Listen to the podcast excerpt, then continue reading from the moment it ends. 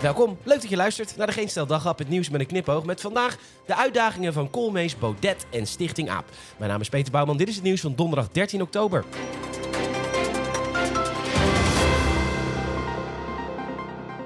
Laten we vooropstellen, van alle ministers die met corona te maken kregen, was Wouter Koolmees wel de absolute top. Duidelijk in zijn verhaal, oplossingsgericht. En het meeste wat hij oppakte werd geïmplementeerd en was relatief succesvol. Een echte econoom die nu de nieuwe topman wordt van de NS. Nu pas, omdat de NS eerst heel lang gezocht heeft naar een vrouw, liefst met een biculturele achtergrond. Dus Wouter mocht achteraan zitten in de klas. En de beste man heeft een staat van dienst, maar ja, ook een witte pik. Dus ja, lastig allemaal. Maar goed, hij mag het dan doen. En ehm, wat dat betreft, de NS heeft heel veel uitdagingen. Het AD somt op. Reizigers zijn niet tevreden vanwege volle treinen. Medewerkers zijn niet tevreden vanwege te weinig collega's op de volle treinen. Financieel, ja. Nou weet je, het is altijd grappig om berichtgeving te volgen over monopolisten. Want er gelden hele andere regels. En je runt niet echt een bedrijf. Want als je geld tekort komt, dan ben je gewoon de overheid. En die storten.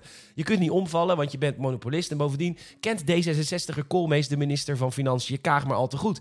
Bijvoorbeeld de concessie voor internationale verbindingen naar Berlijn, Londen, Parijs en Wenen. Die worden overgelaten aan de vrije markt en daar verzet de NS zich fel tegen. Omdat ze dan geen monopolist zijn en dus voor kwaliteit moeten gaan en klantvriendelijkheid en een concurrerende prijs. De NS kan eigenlijk alleen maar als monopolist resultaten boeken. En hoe hoog ik Koolmees ook heb zitten, hij krijgt de meest gemakkelijke baan van het land waarbij ik me afvraag... Hoe kan je in godsnaam geen vrouw vinden voor die baan? Daarbij wil ik niet zeggen dat vrouwen alleen maar een, uh, een flutbaantje bij de NS zouden kunnen krijgen. Die kunnen, die kunnen veel beter. Maar de NS, man, dat kan iedereen. De NOS laat weten dat de integriteitscommissie van de Tweede Kamer een voorstel doet om Thierry Baudet een week lang te schorsen, omdat hij zijn inkomsten uit nevenactiviteiten weigert te openbaren. Baudet zal ver na de schorsing pas te weten komen over de schorsing. Hij is er namelijk nu al zelden. Ja, dat kwam even hard binnen dat Stichting AAP geen wasberen meer kan opnemen. Simpelweg omdat er te veel zijn opgevangen. Het is een invasieve exoot en Limburg is er helemaal klaar mee. En dat is dan ook... Ja, de reden dat ze... Nog meer wasberen...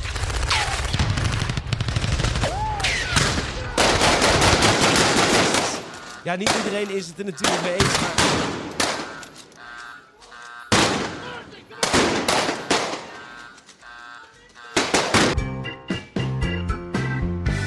Bedankt voor het luisteren. Je zou ons enorm helpen als je een vriend of vriendin of familielid vertelt over deze podcast.